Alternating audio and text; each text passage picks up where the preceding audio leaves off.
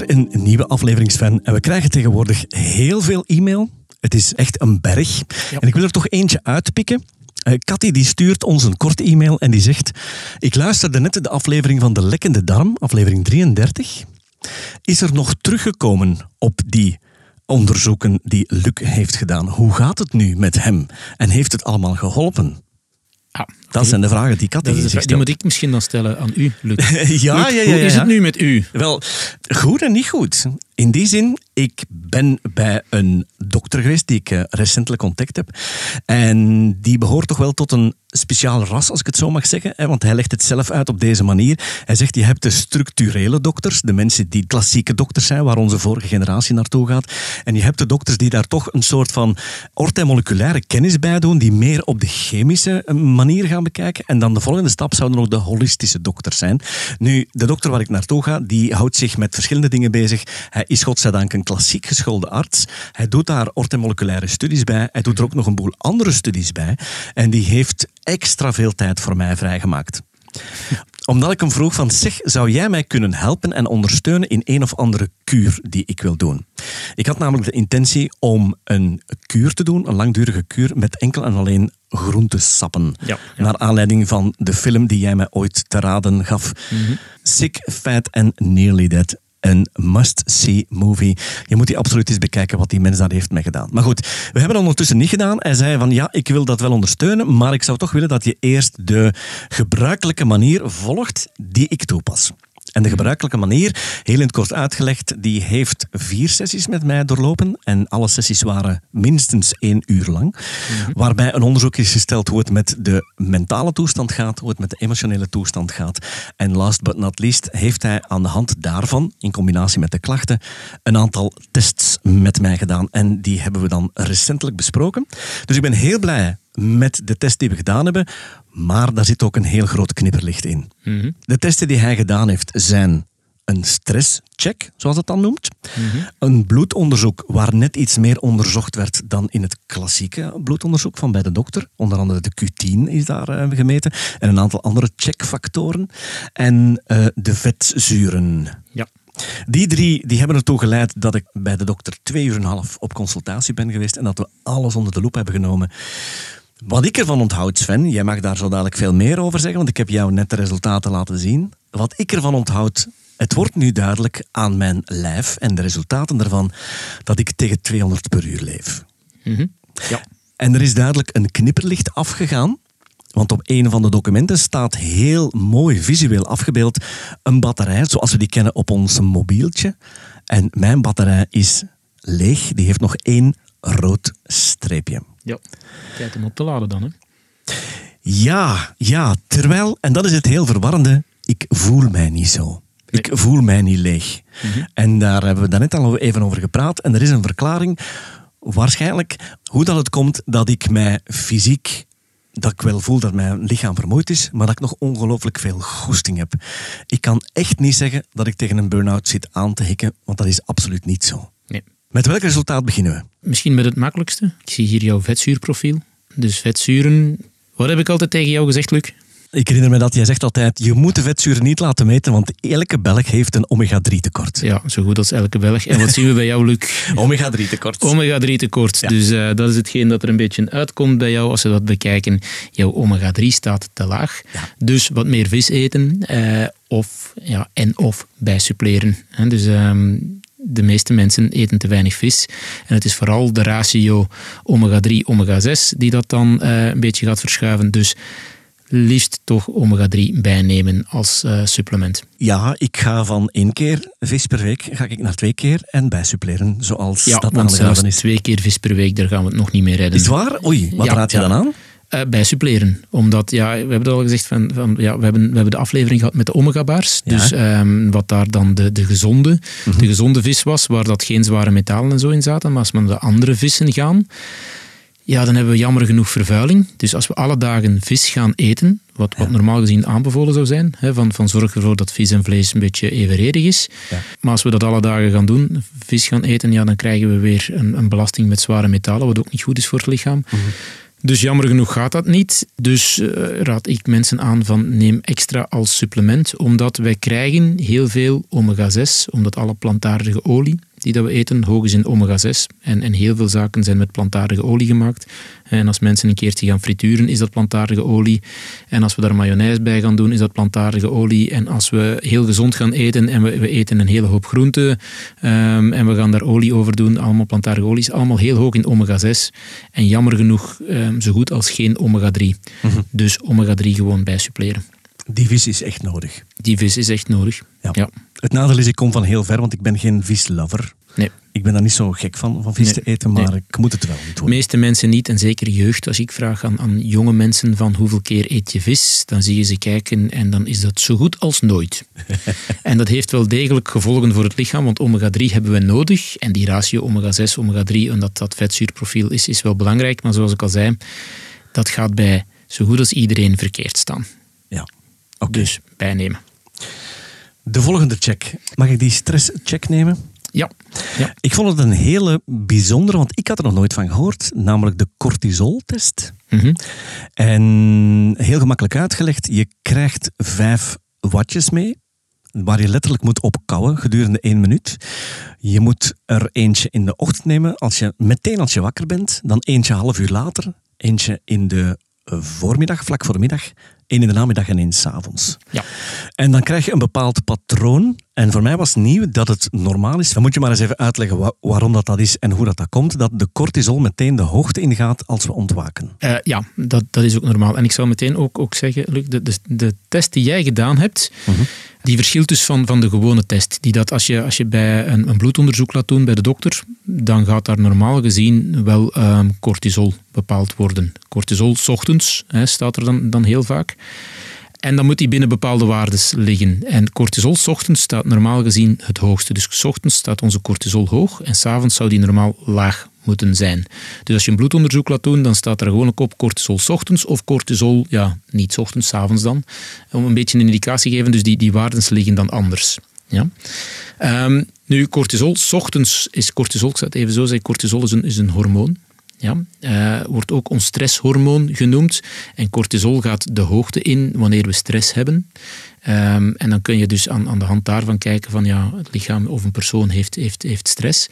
Nu, ochtends staat dat het hoogste, omdat dat, dat hoeft niet te zijn bij stress, maar ochtends staan die waarden het hoogste, omdat ons dat dan energie geeft. Dus cortisol gaat ochtends hoog staan en dat zorgt ervoor dat je ontwaakt en dat je energie hebt en dat je heel de dag goed door kan.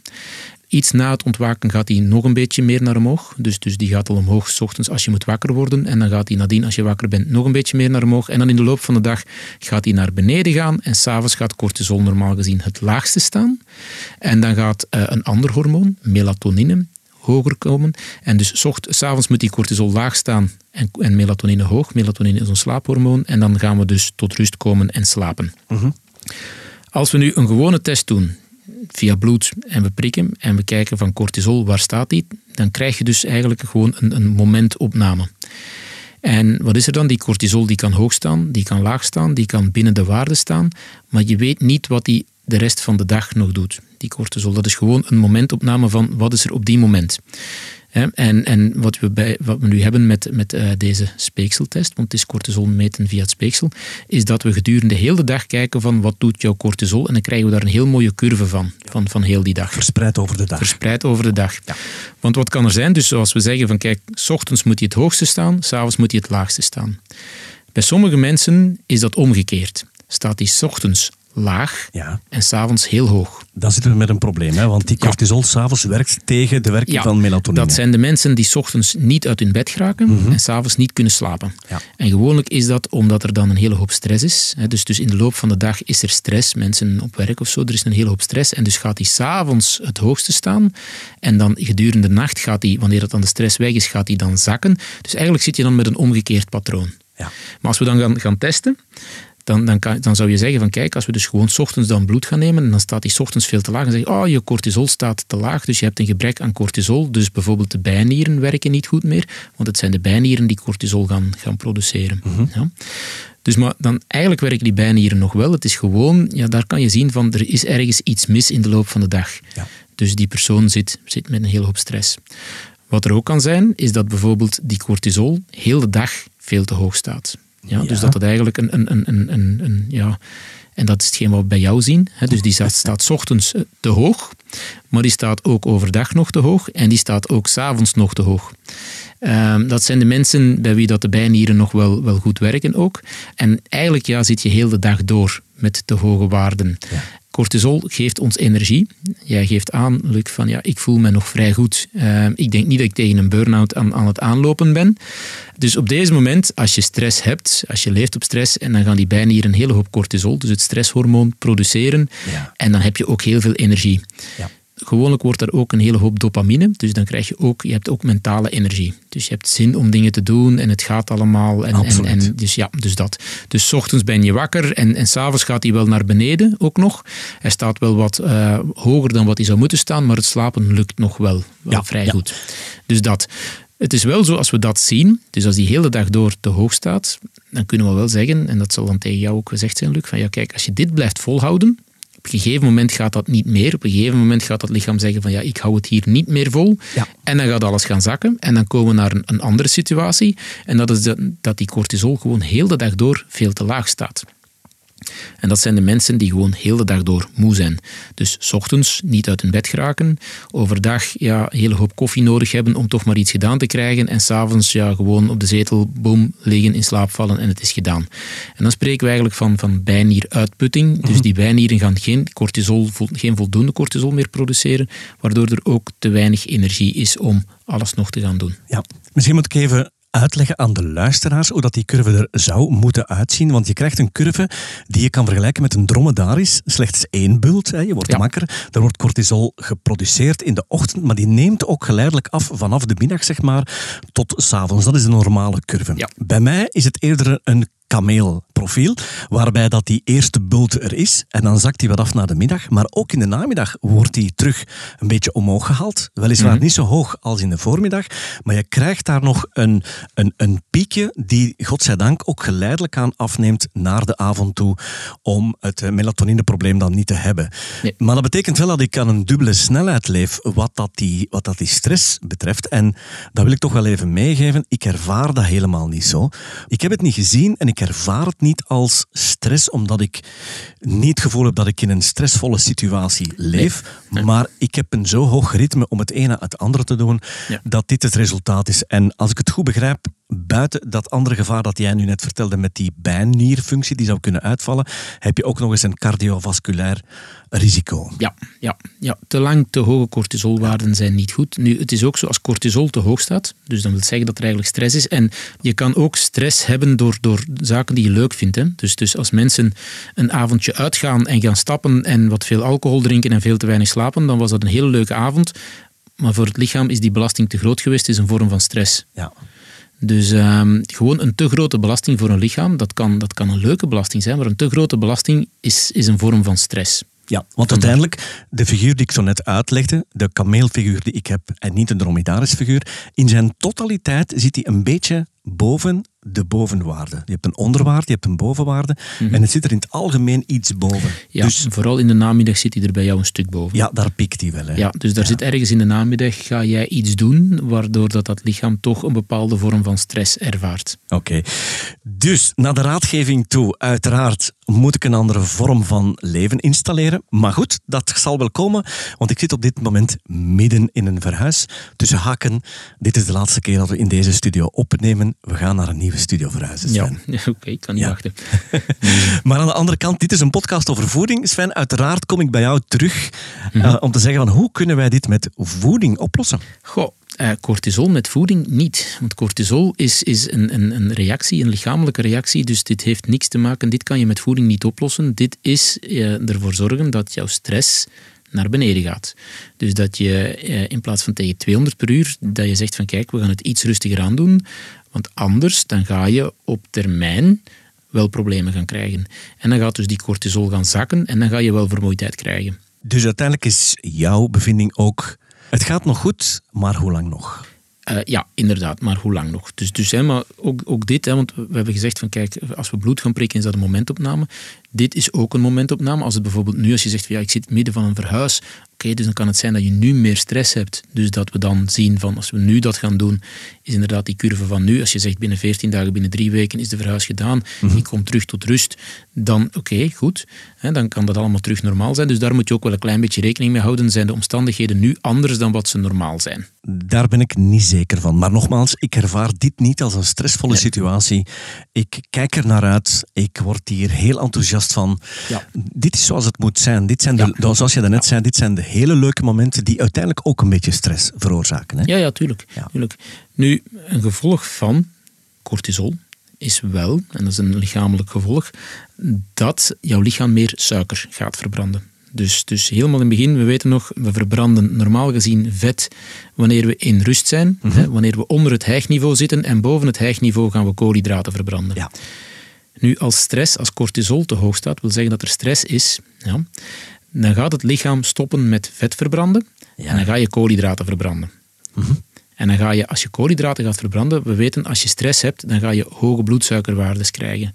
Want wat gebeurt er? Het lichaam zegt, ik moet gaan vechten of vluchten. Ik ga daarvoor de koolhydraten gebruiken, de makkelijkst verbrandbare brandstof, de snelste brandstof. Gaat de koolhydraten die in de spieren en de lever zitten eruit halen en naar het bloed brengen. En dan krijg je hoge bloedsuikerspiegels. Dat kunnen we tegenwoordig meten. Dat zien we ook bij mensen met stress. Het gevolg van hoge bloedsuikerspiegels is wel dat er ook heel veel insuline geproduceerd wordt om die, die suiker de cel in te krijgen om daar energie van te maken. En een gevolg daarvan, wanneer dat, dat lang gebeurt, is dat je een insulineresistentie krijgt. Ja. En dat is ook wel iets wat jij meegekregen hebt, uh, Luc, dat jij een insulineresistentie hebt. Ja. Dus, en een insulineresistentie is eigenlijk ja, diabetes type 2, hè? dus de voorloper daarvan. Daar hadden we het de vorige aflevering over. Dat kunnen we wel met voeding oplossen. Hè? Daar, en dat eh, kunnen we wel met voeding, maar eh, ik heb al mensen gehad die dat heel gezond eten en toch een vorm van insulineresistentie hebben. En bij wie dat het dus niet aan het eten ligt, maar wel aan stress. Dus door stress kan je insulineresistentie krijgen, door stress kan je diabetes type 2 krijgen. Ja. Dus daar moet je rekening mee houden. Nu, over het algemeen, wanneer mensen stress hebben en die, die, um, die suiker, die koolhydraten worden uit de spieren gehaald, je krijgt dus hoge bloedsuikerwaardes, na, ja, na een tijdje dan krijg je ook een dip. Dan gaan de meeste mensen zich ja, slap voelen, slecht voelen en dan gaan we eten. En dan gaan de meeste mensen verkeerde zaken eten. Hè. Dus suiker gaan eten en, en snoep gaan eten om zich toch beter te voelen en om die voorraden aan te leggen. En dus stress wordt vaak gekenmerkt met een, een ja, een minder gezond voedingspatroon. Dus meer snoep, meer suiker. Wat eigenlijk een beetje normaal is. Um, maar dan komen we dus wel in een vicieuze cirkel terecht. Ja, en dat verklaart uiteraard waarom ik de laatste weken, eerlijk toegegeven, toch eens af en toe een snack erbij neem in de namiddag. Ja. En uh, het, is, het, is, het is hoogzomer, uiteraard hoort daar af en toe ook een ijsje bij. Ja, ja, natuurlijk. Maar insulineresistentie, daar kunnen we dan wel iets aan doen met voeding. En dat is dan die koolhydraten, de juiste koolhydraten eten, niet te veel koolhydraten eten. Proberen voldoende eiwitten en vetten, zodat die bloedsuikerspiegel van, van als je iets eet, daar dan toch stabiel blijft. Maar, dus als er stress is, gaat bloedsuikerspiegel altijd stijgen en ga je toch die reactie krijgen. Daar kan je met voeding niks aan doen. Dus dat is ook stressmanagement. Dus ik bij heel veel mensen meegeef van kijk, als, als stress de hoofdoorzaak is van een hele hoop klachten, Onder andere ook bijvoorbeeld spijsverteringsproblemen, want als, jij cortisol, als jouw cortisol te hoog staat, dus je hebt stress, gaat normaal gezien spijsvertering ook niet goed gaan functioneren. En wat je daar ook krijgt, en daar komen we dan bij jouw lekkende die dat we daar uh, ontdekt hadden en zo. Als je te hoge cortisolwaardes hebt, dus te veel stress, ga je ook een lekkende darm krijgen. Je krijgt verhoogde doorlaatbaarheid van de darm als je te veel stress hebt. Dus dat is niet goed. Dus stress is één van de mogelijke oorzaken van een lekkende darm. En we weten dat een lekkende darm dan ook weer een belasting is voor het lichaam en dat je minder voedingsstoffen gaat opnemen. En als je minder voedingsstoffen gaat opnemen, dan krijg je tekorten aan ijzer, B12, die zaken allemaal. En dan zitten we weer, dan maken we die vicieuze cirkel alleen maar een beetje groter. Of met andere woorden, het is 5 voor 12. Uh, of 2 voor 12. Oh! Oké, goed. Laten we het dan maar uh, afmaken. Ja. Kunnen we nog iets uit het bloedonderzoek leren? Nu, eerst en vooral wat, wat, ik daar heel positief aan vond, Sven, en ik kan dat niet uh, reproduceren zoals de dokter mij dat heeft uitgelegd gedurende die twee uur. Er zijn een aantal metingen gedaan die eigenlijk een voorgaande meting bevestigen. Dus er zijn verschillende uh, metingen uitgekomen waarvan men zegt van ja, dit zou oorzaak A kunnen zijn of, of oorzaak B. Maar een bijkomende meting die bevestigt dan dat het toch een van de twee is. Mm Dat had ik nog nooit eerder gezien in een bloedonderzoek. Mhm. En dat is hier volgens mij wel gebeurd. Ja, als men wil kan men gaan kijken van goed, die waarde staat inderdaad te hoog of te laag. Wat is de mogelijke oorzaak? En dan kan men nog gaan verder gaan testen, omdat men het bloed daar dan toch heeft. En zeggen we, kijk goed, we gaan die test er nog bij eh, nemen om te kijken of dat, dat stofje dan te hoog of te laag staat, want dat zou dan de oorzaak zijn van hetgeen dat we hier zien. Mhm. Dus als je iets ziet, moet je altijd gaan proberen te kijken van ja, maar waarom is dit? En wat komt er bij jou ook uit, Luc, is dat eh, onder andere dus, dus de B-vitamine en ijzer eh, niet gigantisch hoog staan. Nu, zoals ik zei, dus stress geeft problemen met spijsvertering. Spijsverteringsproblemen geven altijd verminderde B-vitaminen, opnamen en ijzer. Als je die tekort hebt, krijg je gewoonlijk weer vermoeidheid. Uh, wat bij jou nog niet het geval is, omdat jij dus op adrenaline en op cortisol aan het draaien bent. Uh, dus dat, maar op een gegeven moment krijg je daar dus ook wel, wel problemen mee. En dat is hetgeen dat we dan, dan zien. en dan kunnen we zeggen van oké, we gaan jouw B-vitamine gaan bijgeven in, in, in een complex of in een of andere vorm. Ik weet niet wat de dokter gaat doen. Maar je moet altijd gaan kijken van ja, maar wat is er hier aan de hand, waarom? Want anders zijn we ook gewoon maar aan het bijsuppleren. Ja. En voor je het weet zijn we heel veel zaken aan het bijsuppleren en je zou iets aan oorzaken moeten doen. Hè? Wel, het is heel duidelijk en we steken dat niet onder stoelen of banken. Wij leven allemaal op dit moment tegen 2 à 300 per uur. Mhm. Dat is heel duidelijk. En als je ook ziet waar we mee bezig zijn, is dat de podcast gigantisch goed gaat. We, hebben, we krijgen een groeiend aantal van luisteraars maand na maand na maand. Dat is niet het juiste moment om het dan op te geven. Dus we blijven doorgaan. Dus jouw stress ligt aan de, aan de podcast, Luc. Nee, maar het komt er allemaal bij. We hebben allemaal een dagtaak en uh, dit komt er dan bij, die verhuis komt erbij met nog een aantal andere organisaties en we leven op een hoog tempo vooraleer we het doorhebben. Maar het gevolg kan zijn, Luc, dat jij gezondheidsklachten gaat krijgen. En um, ja, gezondheid is en blijft nog altijd wel een van de belangrijkste zaken hier zijn. Als we de resultaten moeten geloven, Sven, dan kloppen die problemen al op de deur. Ja, inderdaad. Dus, dus het is tijd, echt... tijd om er iets aan te doen, Luc. Ja, echt waar. Maar um, ik vind het wel jammer dat ik niet helemaal kan reproduceren wat er allemaal gezegd is. Ik hoop dat ik niks fout heb gezegd. Maar dat er een aantal zaken zijn die we nog niet hebben meegepakt. Wat valt jou bijvoorbeeld op in, in het, uit het bloedonderzoek? Wat leidt jij daaruit af? Wel, een van de zaken dat er hier ook in staat, hè, wat we meteen zien, is dat jouw vitamine D veel te laag staat. Oh, verrassend. Verrassend. Dus dat was ook, hè, dus, dus ook een van de zaken dat we al gezegd hebben van kijk, je altijd van um, de dingen die dat de meeste mensen um, tekort hebben, hè, waarvan ik zeg van ja, de meeste mensen moeten dat gaan bijsuppleren, is vitamine D. Maar vitamine D wel eerst altijd laten controleren bij de dokter of dat het inderdaad tekort staat. En dan weet je ook hoeveel tekort. Maar bij jou staat het veel tekort. Dus bijnemen, want vitamine D is heel belangrijk voor heel veel zaken, onder andere productie van serotonine, maar ook voor sterke botten en beenderen en, en die zaken allemaal. Dus vitamine D bijnemen. Dat. En dan ja, het vetzuurprofiel, hè, dus dat hadden we ook, dus, dus de omega-3. En dan, ehm, verrassing, verrassing, jouw magnesium staat wel oké. Ja, maar dat heb ik dan weer geleerd uit de vorige afleveringen van de podcast, dat je dat absoluut moet bijsuppleren. Ja, ja. het is toch eentje die dat je onthouden hebt. ja, en over het algemeen, Sven, het lijkt nu alsof dat er niks anders dan kwalijke en rode dingen in staan. Maar de dingen die in het groen staan, die staan ook stevig in het groen. Ja, dus over het algemeen is dit, uh, ziet dit er een heel goed bloedonderzoek uit, of een heel goed bloedprof, bloedprofiel uit, ik zal het zo zeggen. Uh, dus er zijn meer positieve dingen dan negatieve dingen. Maar de negatieve zaken uh, ja, hebben te maken met jouw stress en, en daar moet aan gewerkt worden. En het is niet dat we dat niet wisten. Hè? Nee. Ja. Ik zou eigenlijk heel graag de dokter zelf aan het woord laten. Dus moest dat ooit kunnen, moest ik die ooit hier krijgen, dat zou absoluut een meerwaarde zijn.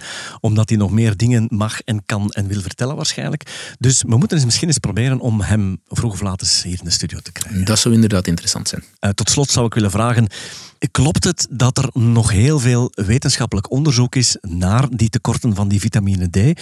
Want als ik het mij goed onthouden heb, dan zijn daar een aantal resultaten die elkaar een beetje tegenspreken.